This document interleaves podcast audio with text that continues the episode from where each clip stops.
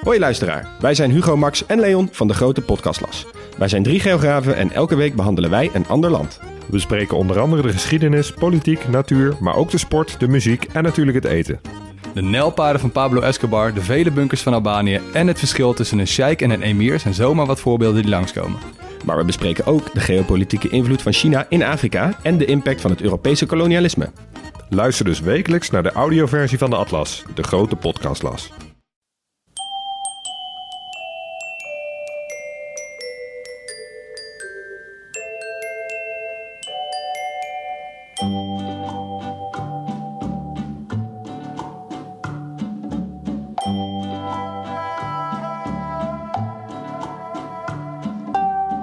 Welkom bij aflevering 136 van de Echt Gebeurd podcast, waar waargebeurde verhalen worden verteld door de mensen die het zelf hebben meegemaakt. In deze aflevering een verhaal van Nathalie Baartman. Het thema van de middag was geven en nemen.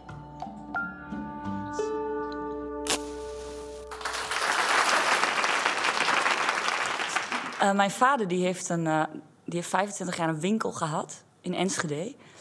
En uh, ik, ik, ik heb altijd met mensen, als ik mensen net leren kennen, dan vroeg ik altijd aan mensen van... Ja, wat denk je als je zo naar mij kijkt, wat mijn vader dan verkoopt? Ik heb een paar keer meegemaakt dat mensen hebben gezegd veevoer. Maar dat, dat is niet zo. Mijn vader heeft een winkel uh, in Oosterse tapijten. En uh, dat is niet iets wat mensen ook... Ja, de winkel heet Baartman Oosterse tapijten. Ik vind het nog steeds raar. Die winkel heeft wel 25 jaar bestaan. En uh, mijn vader ziet er ook wel een beetje uit als een Arabier wel hoor. Hij is best wel donker en een baard en kaal. Hij is gewoon bruine ogen. En het is echt wel eens een keer gebeurd dat iemand tegen hem gezegd heeft van... wat spreekt u goed Twents voor een Arabier? Weet je, dat is wel echt een beetje hoe het is. Maar, mijn, maar die winkel van mijn vader die is dus in augustus gesloten. Dat was echt de laatste dag. Mijn vader is nou met pensioen. En het afgelopen augustus, was eind augustus hadden we dus um, ja, een feestje in de winkel. Het was echt de laatste dag en... Uh, was met hapjes en, en, en drankjes. En ik was er ook bij. En ik had een lied voor mijn vader gemaakt. Echt uh, op de melodie van Yesterday. Want dat vindt hij een heel mooi liedje. Dus dan zong ik echt wel van... Uh, uh, Enschede raakt een hele mooie winkel kwijt. Baartman Oosterse tapijt. Tussen zoveel moois vergaat men de tijd. En dat was echt gewoon, mijn vader vond het echt fantastisch. En elke keer dan zei hij, oh, wil nog een keer zingen? En dan was, werd hij een beetje emotioneel. En um, dus dat was heel leuk. Maar ik had eigenlijk, eigenlijk had ik altijd zoiets van... Ik had nog zo graag een keer in die winkel van mijn vader willen staan om ook gewoon tapijten te verkopen. Want die kans die heb je gewoon niet heel vaak in je leven. En ik dacht echt, ik wil dat heel graag, maar het was er gewoon niet van gekomen. Ik had ook wel eens aan mijn vader gezegd van... vind ik leuk als ik een middag kom buikdansen of zo? Maar dat wou hij ook niet.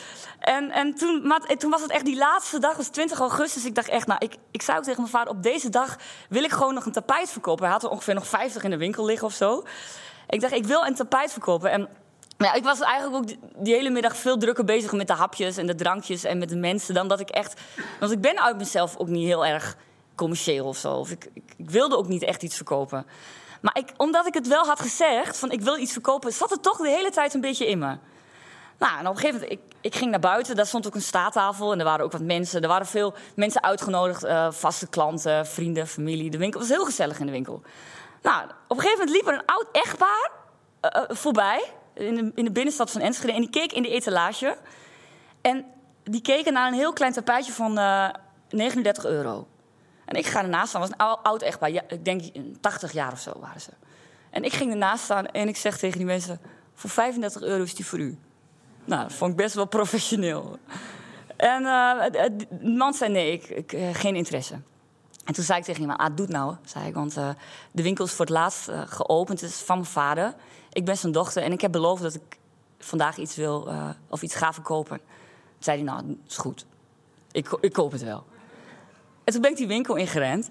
En dan heb ik echt, er waren heel veel mensen. En dan heb ik gezegd, ik heb een tapijt verkocht, weet je. En die man werd binnengesleurd en moest meteen op de foto. kreeg ook wijn. man vond het fantastisch.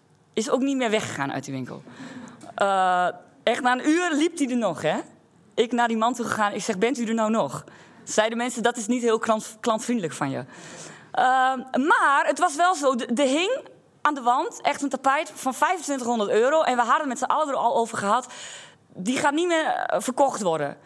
Het, het is, eh, eh, eh, die moet mijn vader op marktplaats zetten of zo. Maar, maar die man, die keek naar dat tapijt. En ik merkte aan hem, hij heeft interesse. En maar zijn vrouw al weg. En op een gegeven moment, dus die vrouw trok hem mee en dan komt hij naar me toe en zegt: Ik ga even de maten opmeten, want ik, eh, ik kom zo terug. Nou, hij was weg. En na een tijdje zeggen mensen tegen mij: Je klant is er weer. Er loopt die oude man weer in de winkel. Hij komt naar me toe. Hij zegt: Het kleed past, denk ik wel. Ik denk: Yes. Dus ik meteen die man naar mijn vader sturen. Heeft die man dus uiteindelijk dat kleed van 2500 euro gekocht? Nou, dat kwam door mij, hè? Dus ik was echt gewoon, ik dacht echt, nou, dat is echt zo gaaf. En, en ja, het was ook wel een heel klein beetje, denk ik, omdat ik wel wat wijn op had, dat ik ook wel wat makkelijker was.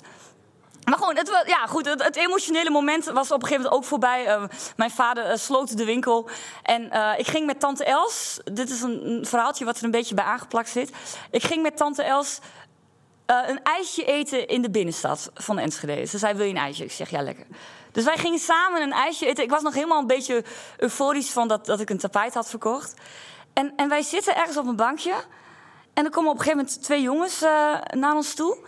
En die zeggen, ja, wij, wij hebben een vrijgezellenfeestje. Een van ons gaat trouwen. En om, om onze financiële kast te spekken... hebben we een aantal dingen die we verkopen. En wij zagen jullie zo zitten. En wij dachten, jullie zijn vast wel geïnteresseerd in een vibrator. En ze laten een vibrator zien, echt zo'n kleintje. En ik, ik heb toen... Ik was echt... Ik denk, als ik niet zo'n leuke middag had gehad... had ik waarschijnlijk gezegd geen interesse. Maar ik, ik stond nu wel open voor dingen. Dus ik zei van... Ja, ik denk, ja, het kan, er kan gewoon iets. Dus ik, ik heb gewoon heel eerlijk geantwoord... eh, gewoon van... eh, eh, ja, kun je me garanderen dat hij nog niet is gebruikt, bijvoorbeeld? Want hij zat niet echt in plastic. Het zat echt in een doosje. En ik heb ook gewoon gezegd uh, van ja, als je dan toch een vibrator maakt, waarom dan niet meteen ook een beetje een behoorlijk formaat? Want hij was echt heel klein. En ik heb hem, uh, er zaten batterijen in, ze hebben hem aangezet. En toen heb ik hem, ja, ik deed het ook wel een beetje om die jongens een beetje te klieren. Zo van, nou, als jullie idioot kunnen doen, kan ik het ook, hè. Dus ik hield hem zo in mijn hand. Ik zeg, ja, ik weet niet, of ik hem echt zou gebruiken voor wat hij voor bedoeld is. Maar ik zeg, ik vind hem wel lekker in de hand liggen voor als je gewoon lekker in de trein zit of zo, weet. En uh, toen hadden zij echt wel een beetje het idee van, wat is dit? En mijn tante die deed ook mee. Die zei van, uh, ja, wij zijn uh, moeder en dochter. Zei ze, en wij, wij doen altijd toch sowieso samen met de vibrator. Dus we zijn wel geïnteresseerd. En 4 euro zou die moeten kosten. En ik had al een beetje besloten van, ik doe het gewoon, joh. Maakt mij het uit, vind ik wel grappig. Maar ik vroeg op een gegeven moment wel van, wie is dan, wie is dan de bruidegom? Wie gaat trouwen? En zei, ja, dat is hij. Dus die jongen die komt aan en ik, ik zeg wel, waar, je gaat trouwen, ja leuk. En waar, waar kom je vandaan? En hij zegt, ik kom uit Goor. En ik, ja, dat, dat is wel zo gewoon... Vroeger kwamen mijn vriendjes uit Goor. Dat was gewoon zo. Ik heb twee keer een vriendje gehad op de middelbare school. En die kwamen allebei uit Goor. En ik heb daar, ik heb daar een liedje uh, over geschreven. En ik zei toen tegen die jongen... Ik ga een liedje voor je zingen, zei ik. Ik doe, ik doe alleen één coupletje. En toen ben ik dus in de binnenstad van Enschede... ben ik voor die jongen dat liedje gaan zingen. En dat, ga ik heel even zingen, want dan weet je hoe het liedje gaat. Ik zong... Um, een heel set lem ik alleen, door waar ook waar met kloor. En zo van een op andere dag, ja, toen steun niet door. Ook hoe wegge worden wol, ik dacht, oh god, noest voor. Ik moest lachen en fluisten zacht, dat wok waar in uw oor. Oh, ik hou van u, mijn mooiste keel uit goor. Het allerliefst loop ik bij u, dank de vloer. Nou, dit zong ik voor hem. En hij, die jongen echt zo, tegen al die andere vrienden die op, die op terras zaten. Hij riep zo van, hé, hey, ik kan heel mooi zingen, kom hier. Hè. Dus al die jongens kwamen en die stonden allemaal met dat bier zo in de hand. En ze vroeg toen van, hij vroeg dan aan mij, wil je het hele lied zingen? Dus ik heb toen voor die jongens, heb ik dat hele lied gezongen, gewoon midden in Enschede. En die jongen die, was, die, die ging trouwen, die was echt ontroerd. En toen was ik klaar met zingen en toen zei hij, die vibrator die krijg je voor niks. Dit was het verhaal, dankjewel.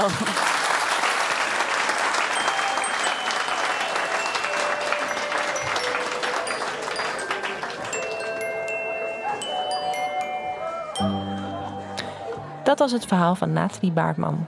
Nathalie is cabaretier en staat met haar voorstelling Woest in de theaters. Echt gebeurd wordt iedere derde zondag van de maand opgenomen in Comedy Club Toemler onder het Hilton Hotel in Amsterdam. Wil je zelf een keer een verhaal komen vertellen? Ga dan naar onze website www.echtgebeurd.net. Daar staan alle thema's opgeschreven. De eerstvolgende editie is Oorlog en Vrede. De redactie van Echt Gebeurd bestaat uit Paulien Cornelissen, Eva Maria Staal, Micha Wertheim en ikzelf, Rosa van Toledo. De techniek is in handen van Nicolaas Vrijman. Bedankt voor het luisteren en vergeet niet: een vibrator o zo klein is in de hand en in de trein toch best fijn. Doei!